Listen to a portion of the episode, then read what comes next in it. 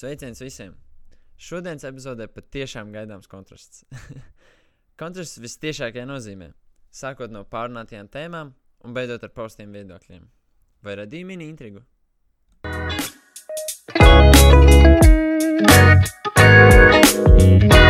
Rīt, sveiki visiem!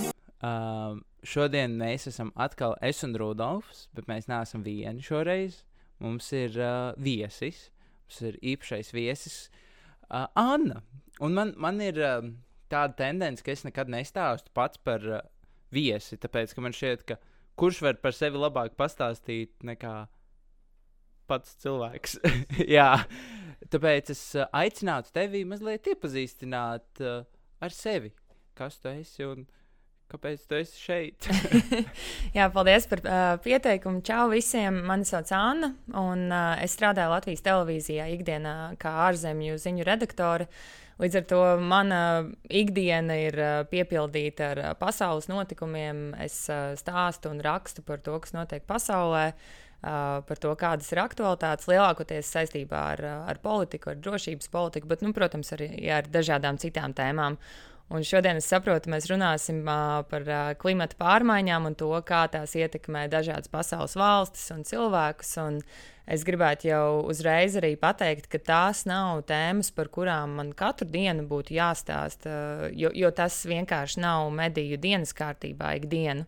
Uh, bet uh, es uzskatu, jā, ka tas ir ļoti, ļoti nozīmīgi par to runāt, jo skaidrs, ka, ka mūs visus, visus ietekmē to, kas notiek šobrīd.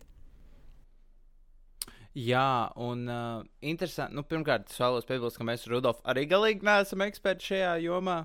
Mēs, mēs kaut ko, ko mēs varbūt lasām, kādā ziņā skatāmies YouTube, to mēs zinām, bet uh, nevarētu teikt, ka mēs esam to studējuši vai mēs kaut kas tāds. Mēs galīgi neesam eksperti, jā.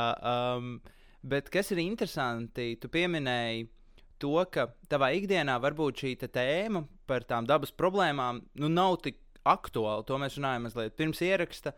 Um, Man tas likās interesanti, jo, nu, protams, tagad ir tā drošība, ko tu minēji, kas ir aktuāla ziņās, ko es redzu, ir nu, loģiski pandēmija.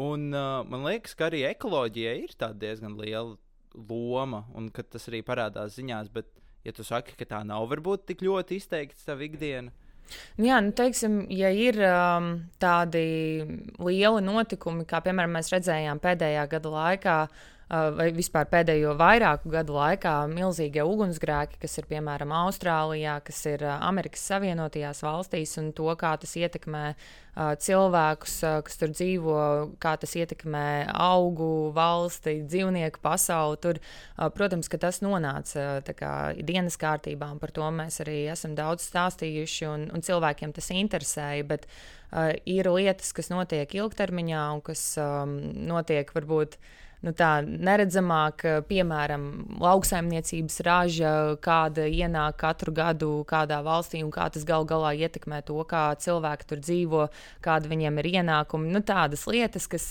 kas ir saistītas ar klimatu pārmaiņām un uh, dažādiem ekstremāliem laikapstākļiem, kas ir radušies šo klimatu pārmaiņu rezultātā. Uh, bet, uh, bet nevienmēr jā, šīs tēmas ir tik aktuālas, jo kaut kādu iemeslu dēļ, um, to arī pierāda, piemēram, uh, reitingi, uh, šādi materiāli medijos tik labi vienkārši neaiziet. Cilvēkiem klimata tēmas. Uh, tās interesē ar vien vairāk pēdējo gadu laikā, jo mēs par to it kā vairāk runājam, un politiķi par to arī vairāk runā. Uh, tajā pašā laikā tās nav tās uh, nu, pašas aktuālākās tēmas. Jā, nu, es varu no savas dzīves teikt, piemēram, man bija pirms laikam nu, jau kaut kādiem diviem gadiem par Baltijas ceļam 30 gadu jubileju, kad jaunieši no visām Baltijas valstīm sabrauc kopā. Mums bija nu, tādas kā arī nodarbības lekcijas, viss kaut kas par Baltijas attīstību un visu kaut ko tādu. Viena no galvenajām tēmām, nu, kas man bija vispār, manai grupai, bija par uh, Baltijas jūras dedzoniem. Nu, es nezinu, kā tas tulkotos latviešu, bet tās principā ir uh, zonas. Uh, Baltijas jūrā, kur uh, nekas nevar augt, kur, nav, kur skābeklis nav vai ir tieši par daudz. Tas ir, tur ir ļoti daudz sarežģīti termini, un tagad es par to pētīju. Man liekas, tā kā nu, šausmas, vai tad tiešām var būt tā, ka nu, jūrā vienkārši ir zona, kur nekas nevar augt, un tad es to papētīju. Un īstenībā ir tik maz arī informācija. Mums it kā liekas, tas ir tepat pie mums, bet mēs reāli neko nezinām. Tas bija mazliet bēdīgi, un tad es sapratu, ka jā, varbūt, varbūt tas, ko tu saki, ir taisnība. Jo Es, te, es, te, es tev piekrītu par to, ka, ka tu sāc pētīt tās tēmas. Uh, tu, es, es tu un, un es domāju, arī citi uh, saprot to, cik tas ir aktuāli un cik tas ir uh, īstenībā akūti un kāpēc par to vajadzētu runāt arvien vairāk. Uh, bet, kā jau teicu, nu, pēdējos gados tas tiešām kļūst aktuālāk. Man liekas, ka sevišķi arī uh, jaunāki cilvēki par to interesējas. Mēs arī redē, redzējām tos uh, protestus, kas noritēja un, un vēl joprojām uh, norit. Uh, Uh, dažādās pasaules vietās, kuri aizsākās uh, pēc uh, Grētas Thunbergas protesta akcijām Zviedrijā. Bet arī, piemēram, mēs redzam, Netflixā ar vien vairāk parādās tieši dokumentālās filmas par, par klimatu un par vidi. Un šīs filmas arī, arī iegūst popularitāti. Tā kā es domāju, ka ir cerība tāda, ka, ka ar vien aktuālākas šīs tēmas kļūs. Un, protams, arī nevar ignorēt to, kas notiek apkārt. Es domāju, ka uh, mums varbūt tā ir privilēģija bieži vien nedomāt uh, par to, kā klimata pārmaiņas ietekmē mūsu sabiedrību vai, vai pasauli kopumā, bet ir, ir vietas, kur tas ir tik aktuāli, ka tu vienkārši nevari par to nerunāt un nedomāt ikdienā. Jā. Uh, es tieši gribēju jautāt, uh, varbūt, kāpēc tas ir noticis. Jo es nezinu, vai tu zini, bet man interesē vienkārši, kāpēc tagad, kāpēc, piemēram, tas nenotika pirms simts gadiem, kāpēc tas nenotiek pēc simts gadiem, kāpēc, piemēram, tās tēmas paliek tādas aktuālas tagad, vai tagad ir kaut kādas tieši. Varbūt tāds kā lūzuma punkts, ka ir kaut kādas lielas pārmaiņas nāk, vai jau ir notikušas. Man liekas, vienkārši tagad viss tas ir sāk palikt redzams. Pirms 50 gadiem tas bija tāds, ka Tu varbūt pēc faktiem var redzēt, tas, tas notiek, bet uh, tā īsti nevar redzēt. Tie dead zone, piemēram, nebija redzami. Okay. Vai vienam neinteresēja. Nu, man personīgi liekas, ka vismaz tā bija. Un tagad vienkārši tas ir redzams, tāpēc cilvēki tad mm, postīšos un paskaidrošu par to nedaudz vairāk. Es, es tev pilnībā piekrītu, jo, piemēram, tie paši ugunsgrēki, kas uh, ir uh, bijuši nenormāli postoši vienkārši pēdējos gados, Tādu agrāk tik bieži un tik milzīgi tomēr nebija. Arī runājot par viesuļvētrām, tādas ir katru gadu, piemēram, Karību jūras reģionā, bet tādas, kādas tās ir bijušas pēdējos gados, cik biežas un neparedzamas un cik postošas, tas arī ir. Jaunums kaut kādā ziņā. Un arī vēl par kaut kādām izpausmēm runājot par lauksaimniecību, es jau sākumā pieminēju, Uh, to var redzēt arī daudzās valstīs, kur vienkārši vietējie iedzīvotāji nespēja ievākt ražu, tāpēc, ka ir bijis milzīgs sausuma vai tieši pretēji uh, ir bijis nenormāls mitrums, un līdz ar to viņiem vienkārši nav vairāk ko ievākt, un viņi nevar iegūt šos ienākumus. Un, uh, līdz ar to par šīm tēmām jā, ir pasaules reģioni, kur par to arvien vairāk runā. Hmm cik interesanti. Bet es tagad aizdomājos, vai tas ir jau noticis, vai mēs nekad neatgriezīsimies tajā, ka jā, mēs varam paredzēt augus, mēs varam paredzēt visu, un tā kā viss būs kārtībā, vai arī mēs tagad esam šajā realitātē. Un, oh, es tagad paliku bēdīgs mazliet. um, nu, labi, piemēram, par tām pašām valstīm, kuras tu teici, kurā, kurām tas ir tā aktuālāk. Um, loģiski tās ir. Mm, nu, tās nav bagātās valstis. Tās ir, uh, nu, es negribu saukt arī nekādus konkrētus reģionus, bet nu, viņiem, man liekas, tās sekas arī par to mēs runājam, ka viņiem tas ir jū, nu, jūtamāk un ka viņiem tas ir aktuālāk. Um, bet īsti, nu, piemēram, kā tas izpaustos? Kā tu teiktu, ka viņiem, kādas ir viņu tās sekas? Jo, nu, piemēram, Amerika, jo man arī liekas, ka Amerika tagad vairāk runā par to, bet cik man liekas, viņiem salīdzinājumā ar citām valstīm, kuras nav tik turīgas, ir daudz uh, mazākas sekas. Kas man liekas arī tā interesanti. Tas varētu būt tāds kā trends gandrīz. Vai? Labi. Nē, es, piemēram, es ļoti labi atceros, ka bija kaut kādas tās saliņas. Man liekas, klusajā okeānā, kuras vienkārši noslīkst. jo, ja tas ūdens līmenis ceļās, viņas vienkārši pazūd. Man liekas, viņiem tas ir tik ļoti kā, aktuāli, bet viņi, tāpēc, viņi tik maziņi, neko nevar baigi ietekmēt tā teikt pasaulē. Nu, jā, Amerika baigi nenoslīgs tuvējā laikā, tāpēc arī viņi, viņi tā kā var visu kaut ko darīt un par to ziņot, bet uh, nu, viņiem tās sekas nebūs tik milzīgas, manuprāt. Katru gadu, piemēram, um, apvienoto nāciju organizācijā runā par šīm tēmām, par to, kā klimata pārmaiņas ietekmē dažādas valstis pasaulē. Tur ir uh, arī tādu salu valstu uh, koalīciju, kuri katru gadu saka, ka viņiem šobrīd jau tas ir uh, principā izdzīvošanas jautājums, jo tas jūras līmenis, ūdens līmenis pasaulē ceļas, un līdz ar to šīs saliņas vienkārši viņas, nu, ar laiku neeksistēs. Tāpat kā, piemēram, gadiem mēs jau par to runājam, bet uh, Maldīvu salas, piemēram, uh, kuras ir varbūt vairāk zināmas kā atsevišķas klusā okeāna salas, šīs salas, uz kurām dodas turisti, arī pēc kāda laika vairs uh, neeksistēs. Bet, um, par to, ka tu teici uh, iepriekš, ka attīstības un nabadzīgākās valstis to izjūt vairāk. Tas ir kaut kādā ziņā saistīts ar to, ka, piemēram, tās atrodas tuvāk pie Ekvadora, uh, kur um, um, tā ir uh, iznācis, ka tur arī ir vairāk tādu valstu, kuras nav tik turīgas, un, uh, un tur arī ir tie ekstremālie laika apstākļi. Ja mēs runājam par, par uh, dažādām vētrām vai šiem ilgiem sausuma vai, vai mitruma periodiem. Uh, Un uh, otrkārt, arī tas, ka infrastruktūra šādās uh, valstīs, kuras nav tik bagātas, tā ir uh, netik attīstīta. Līdz ar to, ja ir uh, tā milzīgā vētra vai plūdi vai, vai tas pats ugunsgrēks, tad, uh, ja tiek iznīcinātas mājvietas, šiem cilvēkiem vienkārši nav iespējas tā tik ātri to, to atjaunot. Bet es domāju, mēs par, par Ameriku un, un to, kā tur klimata pārmaiņas ietekmē iedzīvotājus, varam vēlāk pēc tam arī parunāt. Es domāju, ka tā ir arī interesanta tēma. Es tieši ne, es gribēju par to infrastruktūru, jo es tieši arī esmu redzējis daudzus piemērus ar to, ka, piemēram, ir piemēram, Nīderlandē, tur viņi ir uzsākuši to dambi lielo, jo viņiem ir ļoti zema tā reliefs. Tāpēc viņiem ir tas dāmas, lai nepārplūst. Un, piemēram, tāpēc, ka viņiem ir tas dāmas, blakus valsts, piemēram, aplūst vieglāk, jo tas ugnis ne, netiek pie viņiem, bet pie blakus valstīm. Un, man liekas, tur arī rodas tas, ka viņiem ir pietiekami daudz naudas, lai viņi to var atļauties. Man liekas, tas, piemēram, arī Amerikā viņi vienkārši uztaisīja kaut kādus mūžus abās pusēs, un ūdens netiek pie viņiem. Un atkal tiem, kuriem nav naudas, viņiem vienkārši ar to jāsamierinās. Man liekas, tas tā nedaudz negodīgi, bet uh, nu, tāda ir tā realitāte.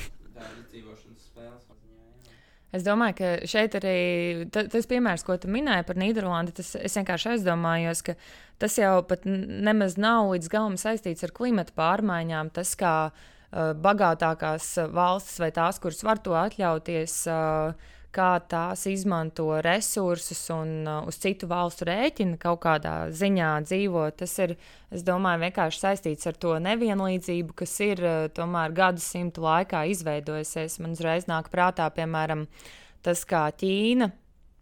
Tur runāja par dāmbjiem. Ķīna būvēja ļoti daudzus dāmbjus uz, uh, ja nemaldos, tā bija Mekongas upe. Un līdz ar to, piemēram, uh, tā, tā upe pēc tam ieplūst aizemē.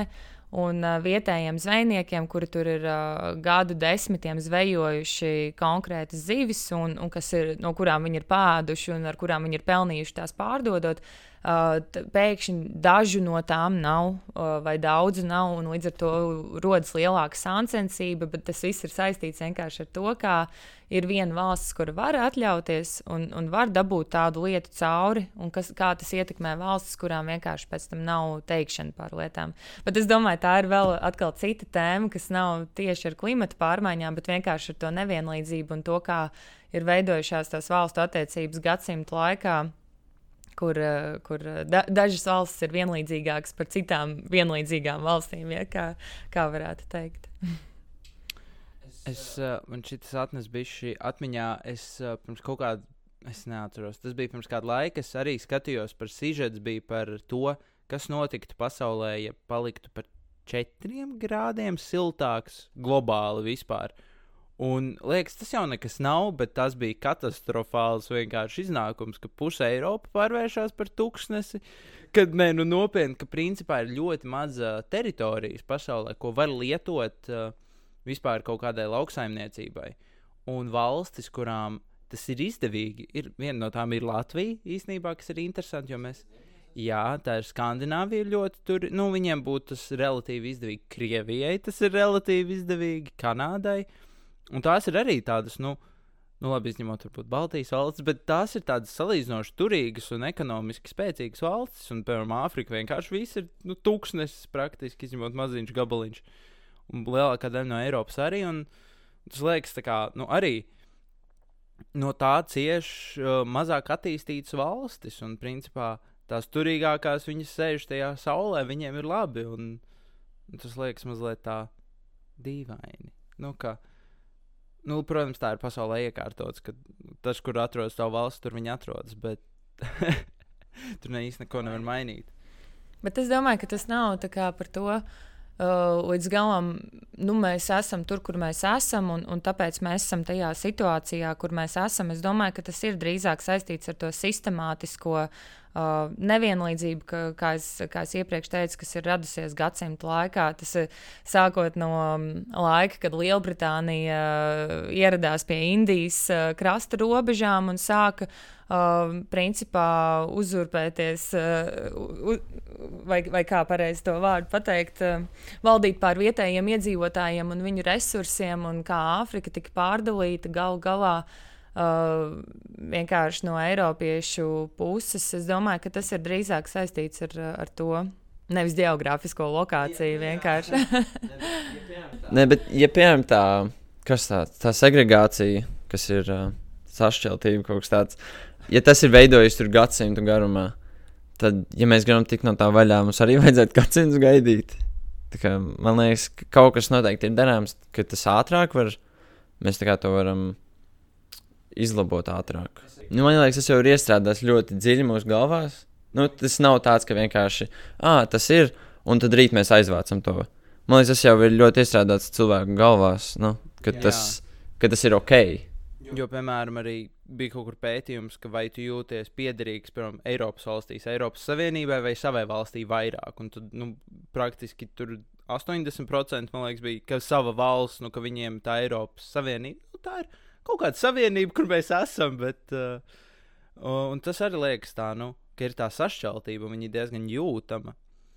Un, nu, jā, tad mans jautājums būtu, es nezinu, vai tas bija tas pats, kas tev vai ir vai ko mēs īsti varam darīt. Un varbūt tas paņem.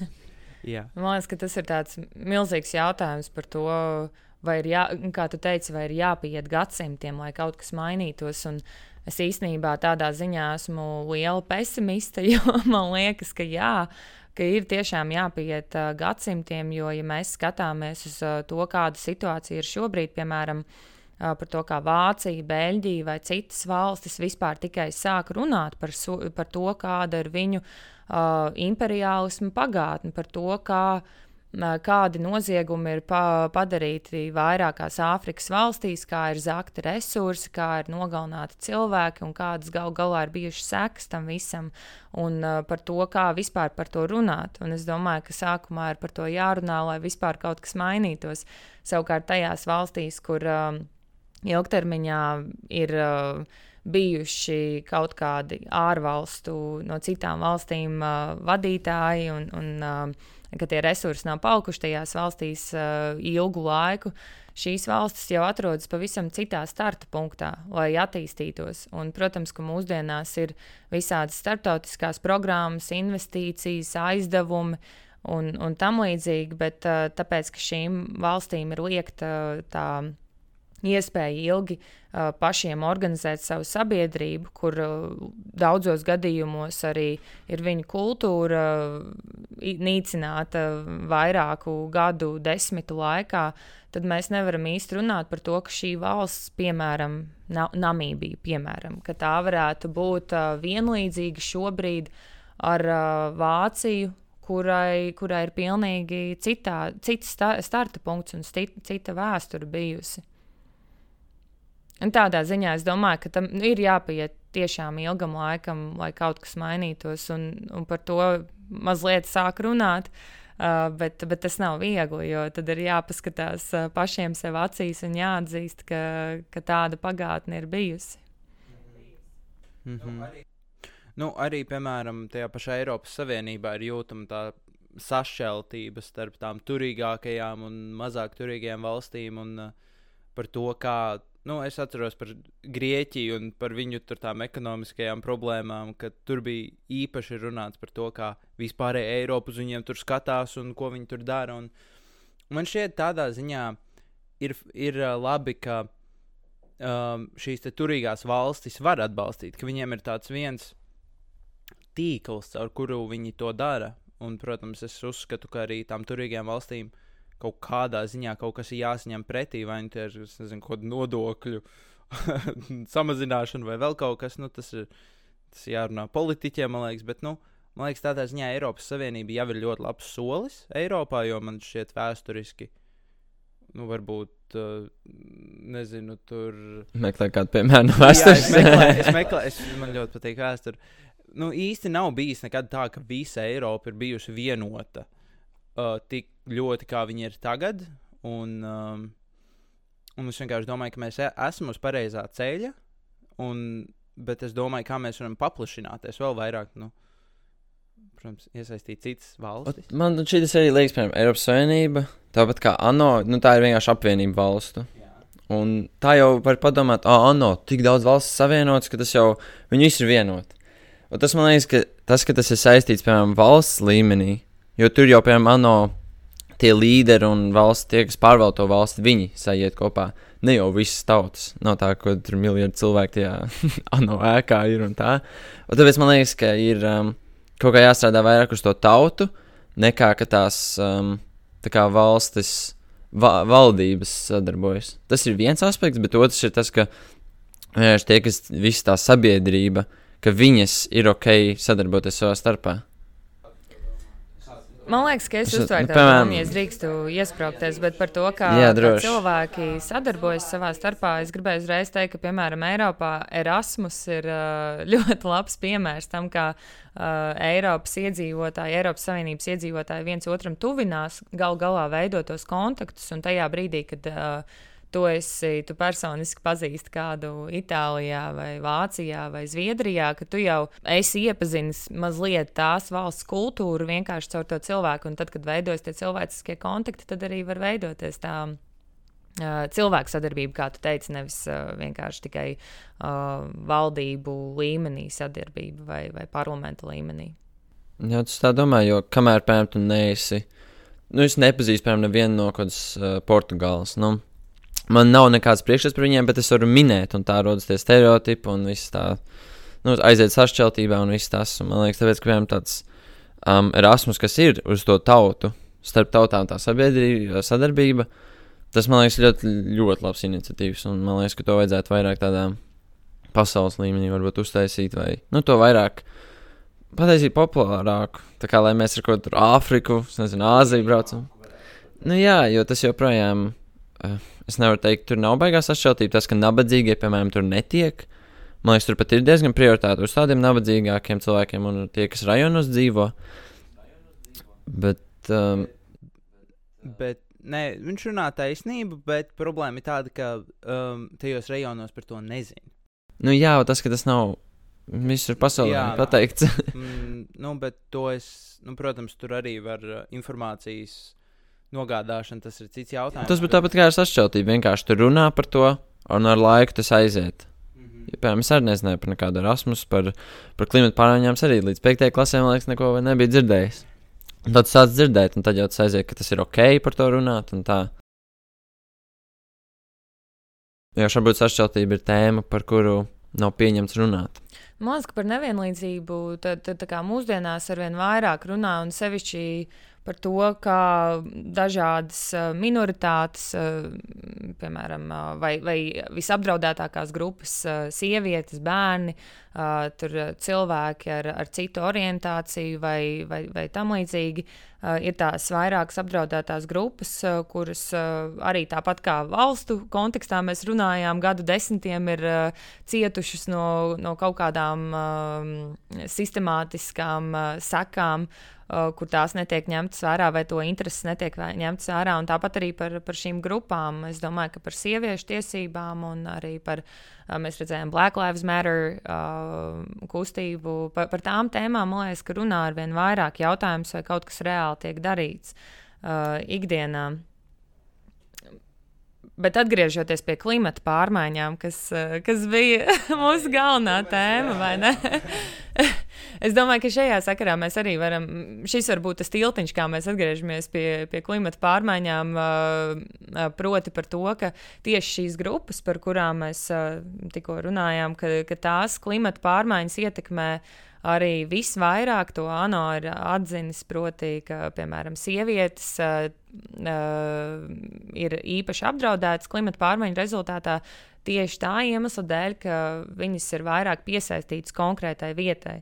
Un tas ir saistīts gan ar sociāliem, gan kultūra, kultūras, gan ekonomiskiem aspektiem. Proti, ka um, lielā daļā pasaules sievietēm vēl joprojām nav iespējas iegūt tādu pašu izglītību kā vīriešiem. Uh, bieži vien um, sievietes at, uh, uzsāk ģimenes dzīvi, kas nozīmē, ka uh, ātrāk daudzās pasaules valstīs, kas nozīmē, ka sievietes ir piesaistītas tai konkrētajai vietai, kur atrodas viņa bērni, bet, bet vīrieši ir vairāk mobili. Un tādā ziņā sievietes vairāk cieši klimata pārmaiņu rezultātā. Vai arī tas, piemēram, ar ādas krāsu arī ir saistīts. Mēs varam novērot to, ka tās Tā, tā lielākā ietekme ir valstīs, kur tomēr dzīvo cilvēki, kas ir uh, citas ādas krāsas nekā mēs. Nu, šī bija vispār tāda ļoti interesanta tēma par um, šo te varbūt nevienlīdzību, jo man likās, kā tas var ieiet arī kā, nu, ekoloģijas tēmā, jo es to galīgi nesapratu, jo vispār tā vienlīdzība arī ir salīdzinoši nesena tēma. Un vēsturiski es viņu sapratu daudz labāk, uh, jo um, es, piemēram, sapratu, nu, piemēram, verdzību. Nu, tas bija ļoti konkrēts piemērs, kur ir jūtama tā sašķeltība. Bet nu, tagad, protams, arī tajās nabadzīgajās valstīs uh, ir jūtama sašķeltība starp turīgām valstīm, kā mēs jau iepriekš runājām. Un, nu, labi, protams, varbūt ir tas, ka mēs neesam tik ļoti tajā epicentrā visam, jo man liekas, arī jaunieši, nu, piemēram, es personīgi. Nu, es strādāju jaunatnes organizācijā, man ienāk jau kādas krāsas, ādas krāsas jaunietis, un es īsti neredzu, Rudolf, es neredzu nekādu atšķirību. Nu, kā, tas ir vienkārši cilvēks, un arī, nu, piemēram, orientācija. Nu, nu, tas man īsti neliek uh, nekādu. Nu, man nešķiet, ka man ir nepieciešams tur kaut kādus komentārus izteikt vai kaut ko tādu. Tāpēc es īsti. Man bija ļoti grūti, un joprojām dažkārt ir grūti saprast, kur ir tā problēma? Es pieņemu, ka ir vienkārši konkrētas sabiedrības grupas, kas. Kur, kur ir problēma? Tomēr Nē, nu, sašķeltībā un klimatā? Nē, nu, vairāk tas ir sašķeltībā. Kāpēc tas radās? Jo, piemēram, nu, es varu teikt pēc savas dzīves, bet, nu, ka es īsti to neredzu. Nu, tur, kur vismaz. Nu, to represiju varētu vairāk teikt, ka kāds tiek apspiests par uh, orientāciju, dzimumu, kaut ko tādu. Varbūt mēs to nejūtam. Uh, bet, uh, nu jā, manā vienkārši, manā varbūt sociālajā lokā tas vispār, nu, rases dēļ tur bija. Jā. Es, es domāju, tā, tā ir nu, vēl vesela tēma uh, par, par Ameriku un sistemātisko rasismu, kas, uh, kas tur ir. Uh, to, to, to es domāju, ka mēs varam vai nu vēlāk izķidāt, vai, vai atstāt citai diskusijai, jo tā ir milzīga tēma. Bet tas, ko es gribēju pateikt, ka Um, tu minēji, ka tu ikdienā neesi īsti to izjutis vai piedzīvojis, un man liekas, ka tad ir uh, divi veidi, kā mēs vispār varam runāt par tām tēmām, kuras mēs šodien esam skāruši, proti, globālā uh, vai Latvijas vai Eiropas līmenī. Un tajā brīdī, kad es, uh, piemēram, runāju par klimatu pārmaiņu ietekmi uz dažādām sabiedrības grupām, kuras ir mazāk aizsargātas, tad, uh, protams, uh, tas arī attiecas uz pasaules vietām, kur tā situācija ir atšķirīga kā Latvijā, kur, kur mēs esam tomēr salīdzinoši labā, labā, labā vietā un, un mēs esam salīdzinoši bagāta valsts. Privileģēti, jā, nu, teiksim, arī sieviešu tiesību sakarā vai, vai citu minoritāšu tiesību, tiesību sakarā, tādā ziņā. Man liekas, ļoti dīvaini, ka uh, nu, tas interesanti, liekas, tas, ka tu pieminēji, ka sievietes un citas minoritātes ir ļoti skartas no tās klimata pārmaiņām. Es tā kā nekad nebiju dzirdējis, ka tā būtu tā. Um, nu, tā kā klimats būtu tas, kas to veicina vēl. Jo man vienkārši vienmēr likās, ka okay, ir tā nevienlīdzība starp visām tām minoritātēm, bet um, tagad jau sāk likties, ka klimats ir vēl viena lieta, kas kā, piemet kā, nezinu, degvielu tai ugunī. tādā ziņā, bet um, es nezinu, man liekas, ka, piemēram, tur kaut kādā Skandināvijas valstīs tie ir labi piemēri priekš tā. Tiek jau tas darīts, lai, piemēram, vīrieši būtu arī tie, kas drīkstos um, Viņi bērnus arī laikam. sa saņem pabalstu par to, ka viņi saņem uh, Jā. laiku ar bērnu pēc dzimšanas. To tu domā? Nu jā, to es tā kā biju domājis, bet es arī tagad domāju, būtu dīvaini pateikt, ka jūs nedrīkstat pamest valsti, visa ģimene, un jūs nebūsiet mobili, tāpēc jums jā, par to klimatu tā kā vajag. Um, Ne, tas bija vairāk to, to, tos piemērus, kurus es minēju. Tas ir stāsts par to, ka valstīs, kur, uh, kur vienkārši tev ir jānopelna ikdienas iztika, un tas atgriežas atkal pie tām uh, tēmām, par kurām mēs runājam sākumā. Proti, tu katru gadu ievāc konkrētu ražu, kaut vai tās pašas kafijas pupiņas, mēs par tām runājām pirms uh, uh, ieraksta sākuma. Uh, ka, ka tev katru gadu ir uh, jāievāc šī raža, un tu rēķinies ar to, ka tā būs. Bet uh, dažādu ekstremālu laikapstākļu vai, vai citu klimata pārmaiņu rezultātu ietekmē, tu nespēji ievākt normāli to ražu, tu nespēji līdz ar to iegūt ienākumus. Tev ir uh, ģimene, un šobrīd tev ir jādomā, kā ar to tikt galā. Un stāsts par to ir, ka, um, ja tā ir um, sieviete un, teiksim, četri bērni un vīrietis, tad loģiski, ka tas būs vīrietis, kurš dosies meklēt um, tos ienākumu avotus. Savukārt, sievietei būs jāgaida, uh, viņai būs jāpaļaujas uz to, ka uh, viņas partneris atgriezīsies, ka viņš uh, gūs šos ienākumus un gal galā jārūpējas par bērniem. Nu, tā ir vienkārši tā, tā realitāte. Varbūt citās valstīs, protams, ja mēs runājam par Eiropu, par Latviju un par, par Zviedriju vispār, tas ir cits stāsts, jo, jo Zvi- Zviedrija un citas Skandināvijas valstis ir. Um, Ir uh, piemērs ļoti daudzās lietās, uh, kā, kā čempioni uh, pasaulē. Bet, bet, jā, ja mēs runājam par, par tādām nabadzīgākām attīstības valstīm, tad tur mēs tiešām varam runāt par to, kā klimata pārmaiņu ietekmē cieši vairāk um, sievietes, bērni un, un arī citu, citu rašu cilvēku. Nu jā, tas mans komentārs iepriekš arī bija domāts vairāk par to, ka es to neredzu tieši Latvijā, nu, piemēram, un tajās nu, attīstītākajās valstīs. Jo tas, ko tu minēji iepriekš, tā ir tiešām tā situācija. Jo, nu, ģimene, nu, piemēram, arī mazāk attīstītāka, attīstītākajās valstīs. Uh, Vispopulā, nu, visaktuālākais darbs ir, piemēram, tieši fizisks darbs. Un tur loģiski lielāks pieprasījums ir tieši uz uh, vīriešiem. Un, uh, tad, nu, jā, un tad sievietes paliek mājās ar bērniem. Tas ir, nu, tā tas ir dabā, un tāpēc cilvēki varbūt arī cīnās par to, lai sievietēm ir tās tie vairāk darbi, ko viņas var darīt. Un, uh, nu, jā, un es droši vien tas jautājums būtu, vai, nu, tad atkal, vai mēs kaut ko īsti varam darīt. Nu, piemēram, mēs te trīs sēžam Latvijā, vai mēs varam kaut ko īsti ietekmēt. Nu, tā, piemēram, mēs zinām, ka tā ir problēma. Nu, pirmkārt, ekoloģija tas viens. Un otrs ir tā nevienlīdzība, kā mēs varam ietekmēt to, ka viņi, piemēram, es pieņemu, ka mēs varam ietekmēt to, ka viņi neiet tālāk, un, bet vai mēs varam samazināt to, kas jau ir, piemēram, citās valstīs? Es domāju, ka tas ir kā pasaules uztveres, un, un domāšanas un dzīvesveida jautājums. Es par to domāju, kad es braucu uz šejienu, un es tiešām arī mēģināju atbildēt uz šo jautājumu.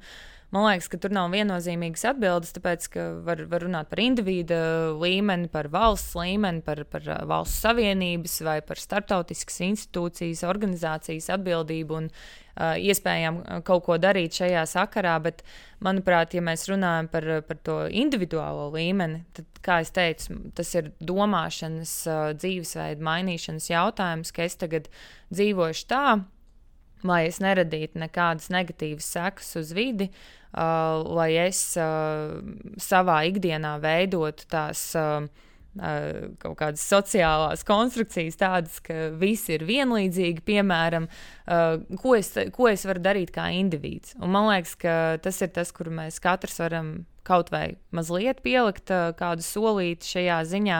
Bet, protams, ja mēs runājam par, par valstu vai valsts savienību, kaut kādu atbildību, tad uh, nu, tur, protams, ir kādas lielākas lietas, ko var darīt. Un, un ir jau ka- kas tiek darīts, piemēram, ANO līmenī, tiek šie mērķi noteikti un šīs problēmas apzināts par to, ko mēs runājam.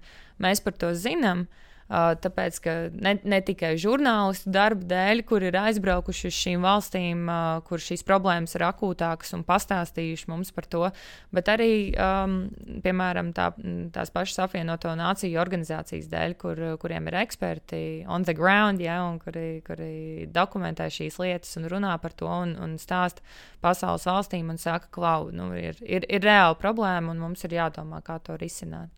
Ir viena tēma, pie kuras es gribēju atgriezties, pirms mēs, mēs sākām par šo par nevienlīdzību. Es tikai gribēju piebilst par uh, to, ka mēs tā kā runājam par um, to, ka sievietes vai, vai citas ādas krāsas cilvēki cieši vairāk it kā tajās attīstības nabadzīgākajās valstīs. Bet, es gribētu pateikt, ka tas ne, ne viss ir tik viennozīmīgi. Vienkārši, nu, lai, lai varbūt par šīm tēmām vairāk domātu, ja mēs skatāmies tām pašām Amerikas Savienotajām valstīm, kā mēs jau iepriekš runājām un neattīstījām šo tēmu par to sistemātisko rasismu, kas ir tur. Uh, um, uh, gadu, gadu desmit laikā bijis un vēl joprojām ir ļoti, ļoti aktuāls, tad uh, arī klimata pārmaiņu rezultātā šīs cilvēku grupas, kuras ir pakļautas uh, sistemātiskai nevienlīdzībai Amerikas Savienotajās valstīs, kas ir viena no bagātākajām valstīm pasaulē, uh, viņus ietekmē tas vairāk. Un kāpēc? Tāpēc, ka Piemēram, jā, pavisam vienkārši piemērs.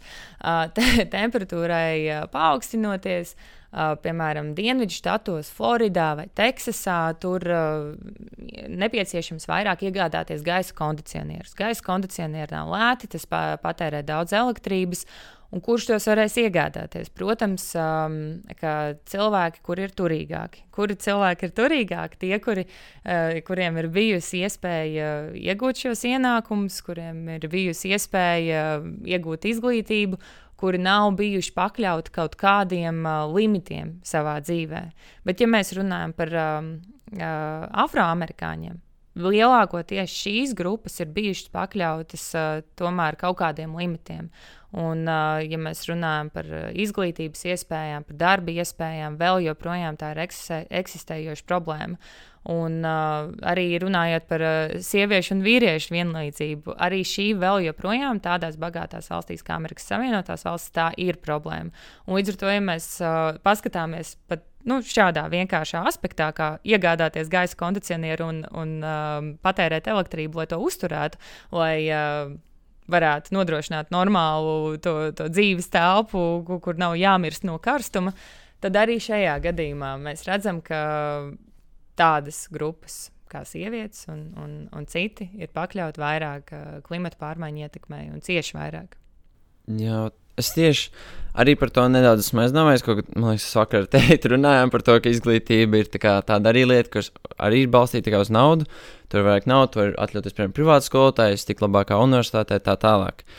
Un um, tāpēc man tieši likās, ka tas tā ideja par to, ka mums visiem tomēr ir vienlī, kā, vienlīdzīga iespēja, nevis tas, ka mēs visi esam, piemēram, pilnībā vienlīdzīgi, jo tas ir neiespējami, bet tas, ka mums visiem ir vienāds iespējas, tas gan ir iespējams. Un, un tāpēc es aizdomājos tieši par to, ka, piemēram, ja šobrīd ir tas, ka um, tie bagātie var atļauties sev uh, ar kondicionieri atvēsināt savas telpas, ko, piemēram, tev kā, ja tu esi tas Baidens, piemēram, prezidents, tu iedomājies, ok, es viņiem uztaisīšu kaut kādas publiskās telpas, kur viņi var atvēsināties. Vai, Jā, es vienkārši iedomājos, kas ir tas, ko tu vari iedomāties, ko tu vari darīt tādā gadījumā, ja tu, piemēram, tur Amerikā uz vietas. Kas, kas ir tas, ko sistēmas, manuprāt, ir uh, ekonomiskās, sociālās sistēmas vienkārši ir savā būtībā veidotas tā, ka tā nevienlīdzība veidojas. Un, uh, protams, visiem var būt vienādas iespējas. Bet tāpat kā mēs iepriekš runājām par to, ka katrai valstī tas starta punkts ir citāds, tieši tāpat katram cilvēkam sabiedrībā ir pilnīgi cits starta punkts, un līdz tai iespējai var netikt. Es šajā sakarā varu minēt, ir tāda uh, interesanta grāmata, un viņi, starp citu, uztaisīja arī filmu. Es redzēju, Netflixā pirms, pirms gada vai, vai, vai nedaudz vairāk iznāca.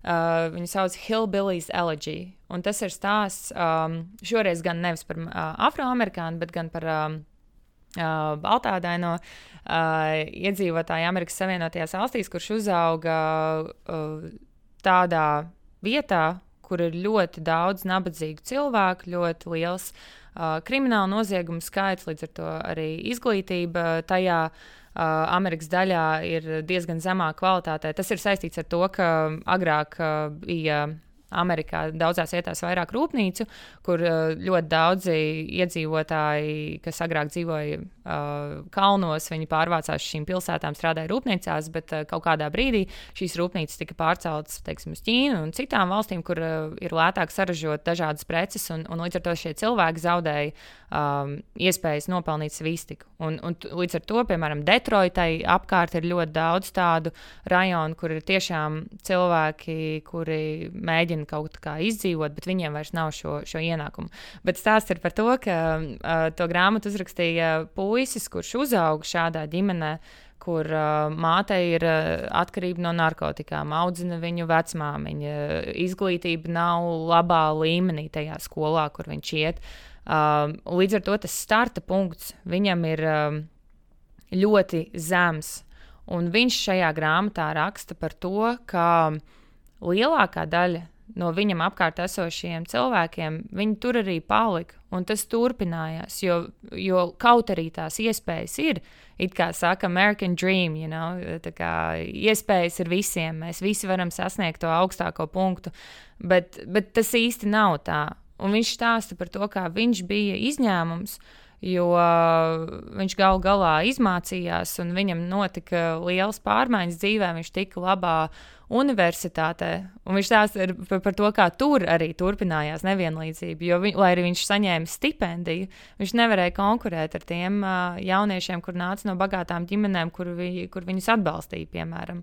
Uh, un, un šī, šī grāmata reāli liek aizdomāties par to, kā mēs it kā runājam par nevienlīdzību valstu Uh, valsts starpā, bet, bet arī bagātajās valstīs, un sevišķi Amerikas Savienotajās valstīs, šī nevienlīdzība ir, ir ārkārtīgi milzīga.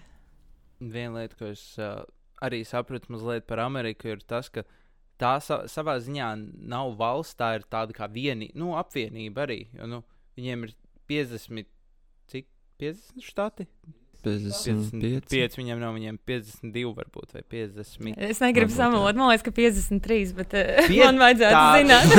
Katram savs. uh, bet tas, ko es gribēju pateikt, ir um, par to, ka tur arī ir sašķeltība. Nu, principā, kur tu atrodies geogrāfiski arī, nu, Amerikā. tieši. Protams, piemēram, Puertoriko, kur, kur daži amerikāņi pat nezina, ka tā ir daļa no, no šīs valsts. Tur, uh, tur dzīves apstākļi salīdzinot ar to, kāda tas ir, piemēram, Meinas uh, štatā, ir ļoti, ļoti atšķirīgi. Tas ir tiešām arī. Nu, tas ir, to var arī pielīdzināt Eiropas Savienībai kaut kādā ziņā, ka viens, viens štats ir nezinu, pielīdzināms Vācijai, piemēram, un cits ir kaut kādai mazāk turīgai valstī. Uh, bet tas, ko es gribēju pateikt, ir bijis izskrējis no galvas. Bācis.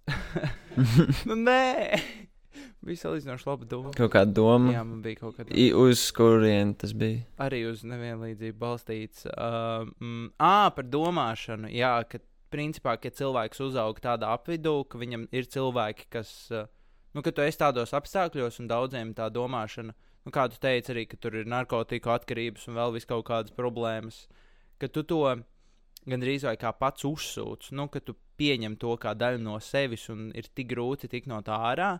Tāpēc, piemēram, ja tu esi uzaudzis, nu, tiešām nezinu, valstī, kur tā informācija ir tāda salīdzinoši kvalitatīva, un tu, tev nav daudz iespējas degradēties, tad uh, salīdzinoši tu esi attīstītāks, un tev ir daudz vieglāk dzīvot vienkārši pašam par sevi. Tāpēc vienkārši esmu diezgan daudz dzirdējis, līdzīgi kā tu teici, tos stāstus, ka cilvēks tur nu, ir viens no miljoniem gandrīz vai un. Um, Ka viņš izlaužās no šī dzīves stila, bet īsnībā viņi ir tik mazi, nu, tie cilvēki. Un tam ir jābūt ļoti spēcīgai motivācijai un ļoti spēcīgai personībai. Un, un mēs aizmirstam bieži vien par tiem pārējiem, kas tur arī paliek un kā mēs viņus varam atbalstīt. Jā, un par, par spīti tam, ka it kā pasaulē tā situācija uzlabojas, eh, mēs arī pirms podkāstu ierakstīšanas eh, runājām. Es, es teicu, eh, arī to pieminēju to grāmatu, kuru sarakstījis Hans Roslings, Zviedru antropologs. Man liekas, viņš bija viņš pirms pāris gadiem nomira, bet um, viņam ir tā grāmata Factfulness, kas uh, pāris gadus bija arī viena no populārākajām.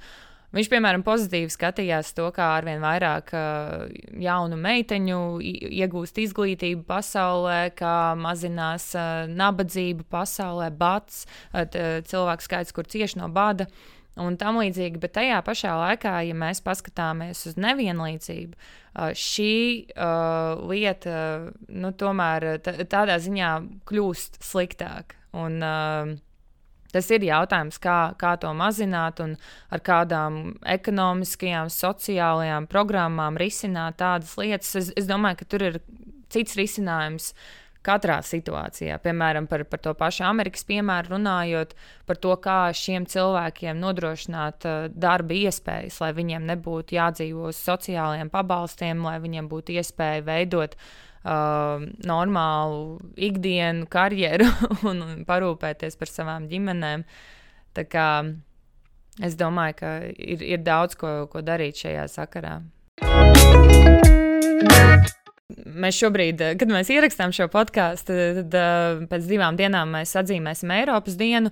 Un tādā sakarā ir arī svarīgi runāt par to, ka mums, kā Eiropiešiem, kā Eiropas Savienībai, ir svarīgi arī uzņemties kaut kādu atbildību, lai risinātu tās uh, problēmas, kuras mēs uh, pārunājām diskusijas pirmajā daļā.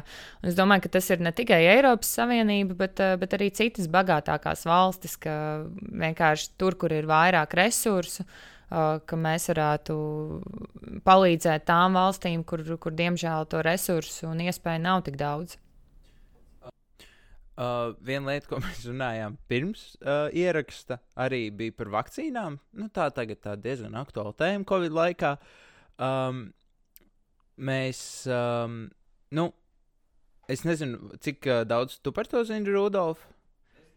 Es diezgan esmu. Bet ir tas, ka, nu, principā, jo vairāk nu, valstis var investēt izpētē, un tad, ja tā konkrētā izpēte ir veiksmīga, tad viņi saņem no viņiem konkrētu daudzumu vakcīnas. Nu, tā kā principā, un tad, un tad tur ir dažādas sistēmas, kā viņi to dara. Piemēram, Amerika, uh, konkrētas Eiropas valsts ir ieguldījušas ļoti daudz naudas dažādās vietās. Un viņiem, piemēram, Amerikai, man liekas, vakcīnu daudzums vispār ir pāri viņu populācijai. Kanādai arī.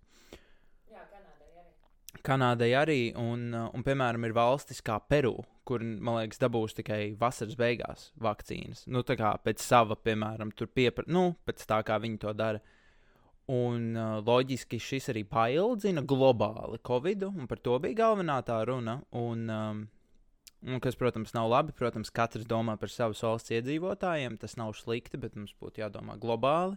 Jo, piemēram, arī tās nabadzīgās valsts, ja mēs atgriežamies, viņiem jau nav varbūt tā sistēma, lai nodrošinātu to healthcare un rūpes par tiem cilvēkiem, un tāpēc tur varbūt tā mirstība arī ir lielāka. Uh, bet tas, ko es gribēju teikt, ir arī tāda sistēma, kā viņi sauc? Uh, tas ir uh, COVAX. COVAX. Tur ir vairāk starptautiskās organizācijas, un uh, Pasaules veselības organizācija arī promotē kā, šo mehānismu. Tā doma ir tāda, ka viņi samaksā viņai, lai viņi pērk vakcīnas un tad izdala visiem.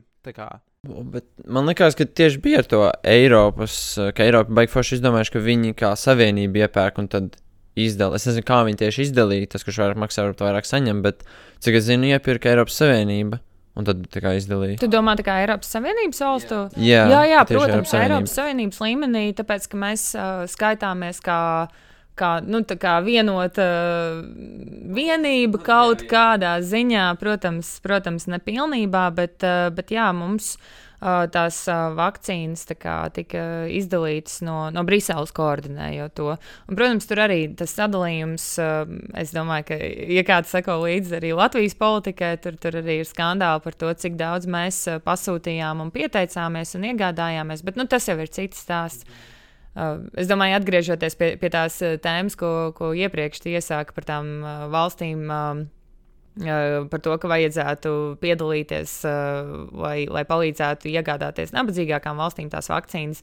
Tas tiešām iet kopā ar to iepriekšējo tēmu, ka vajadzētu uh, domāt par to, ka gadī, katrā ziņā, kamēr visi nebūs droši šajā pasaulē, proti, vakcinēti un pasargāti no tā vīrusa, neviens galu galā nebūs drošs. Un tā iepriekšējā dzīve un aktīvā ekonomiskā dzīve un tam līdzīgi nevarēs atsākties.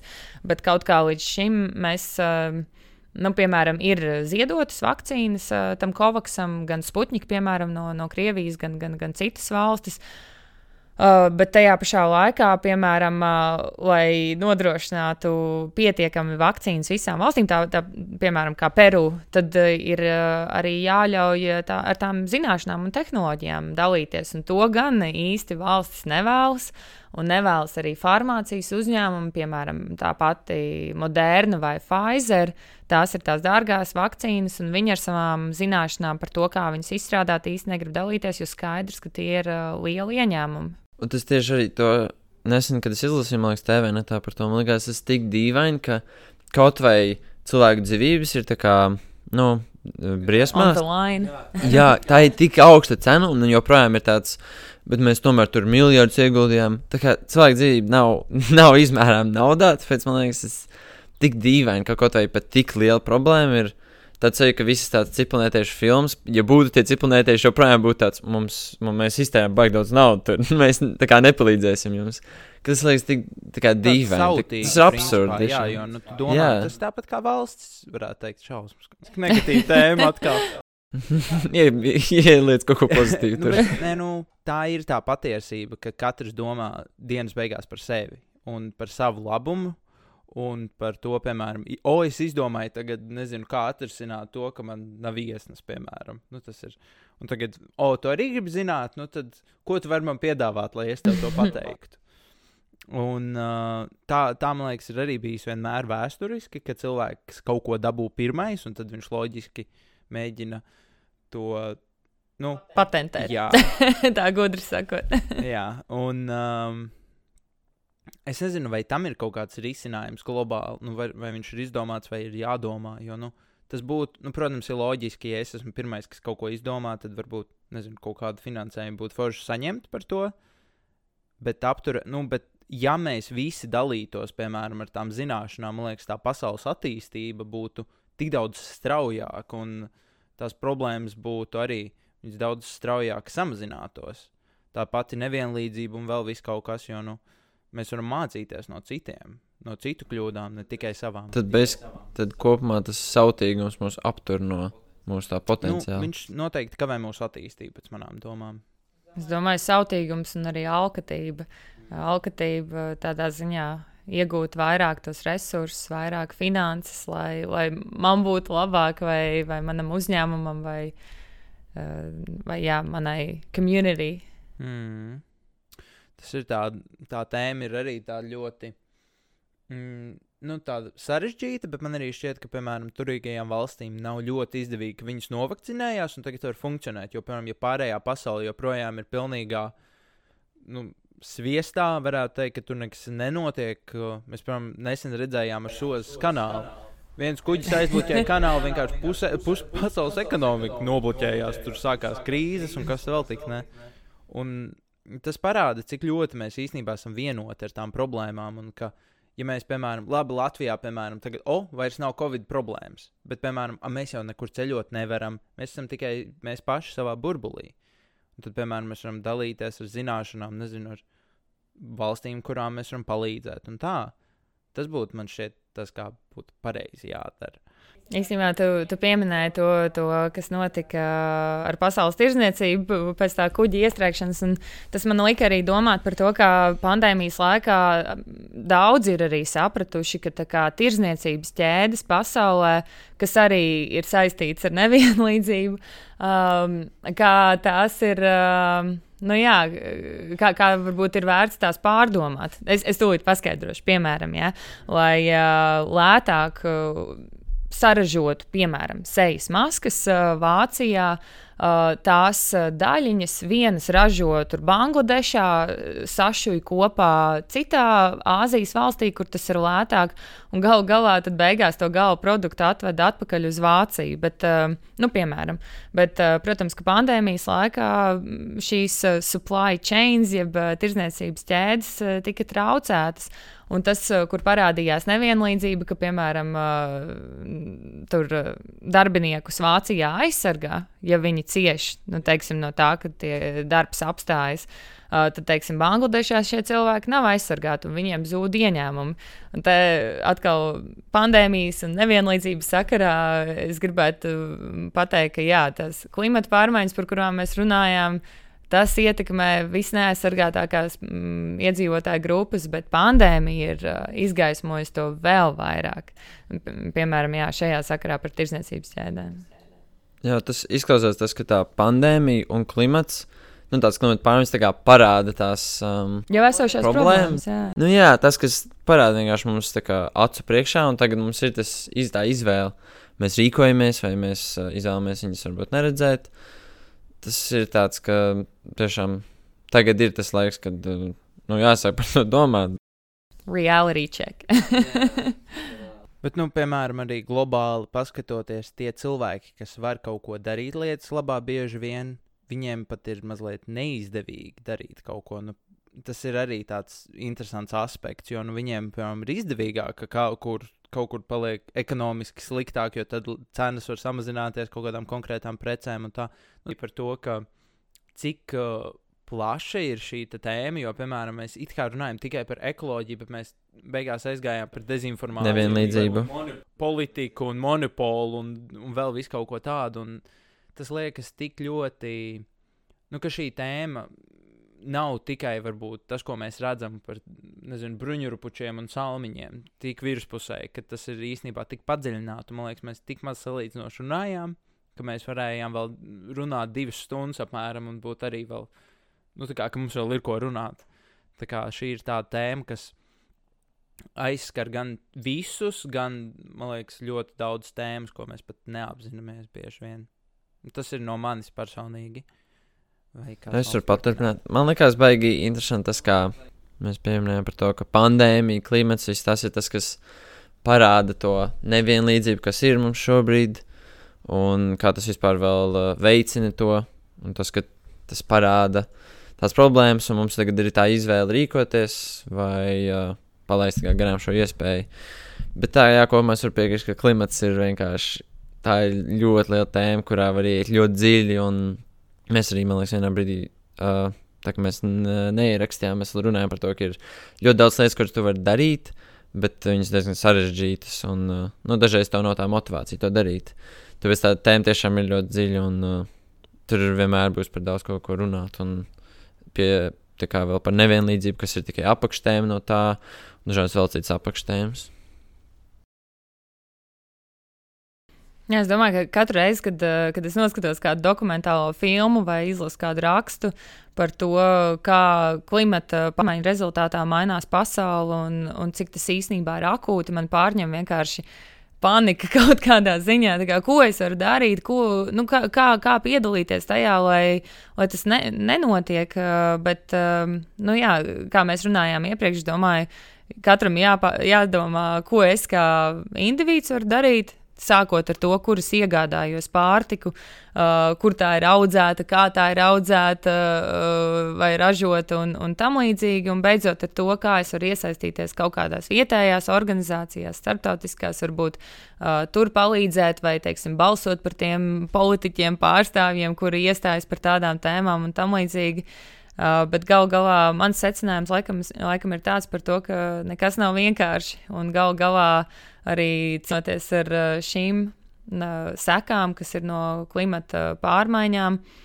Ir uh, jāsaskars ar visām tām sekām, kas ir uh, no gadsimtiem ilgas, ilgām lietām, kas ir notikušas, kas ir, piemēram, vairojis nevienlīdzību valstu un sabiedrības, dažādu sabiedrības grupu vidū un tam līdzīgi. Uh, Tā kā nekas nav vienkārši, bet uh, ir jāsāk ar sevi. Laikam tāds ir mans secinājums. nu, tā tiešām, man liekas, visaptveroša saruna mums šodien ir bijusi. Nu, tad uh, es tev, Anna, teikšu lielu paldies par to, ka tu mums pievienojies šajā uh, interesantajā sarunā. Piektdienas rītā. Uh, es domāju, jā, ļoti agrs. Mums, man liekas, ir agrākais podkāsts, kāds jebkad ir bijis. Kā uh, Tas arī ir interesanti. Tā kā ja iespējams bija kāds haoss pa tēmām, mēs varam pateikt klausītājiem, ka bija astoņi no rīta piekdienā. mums ir attaisnojums. jā, jā, jā, tāpēc varbūt mums grūtāk, grūtāk mazliet, bet nu, labi, man šķiet, kopumā saruna bija tīri vērtīga un interesanta. Labi, es teikšu milzīgi paldies, un tad, uh, Paldies jums abiem par sarunu. nu jā, tad uh, Visu labu, tiekamies nākamajās sērijās. Tā, tā. Ciao.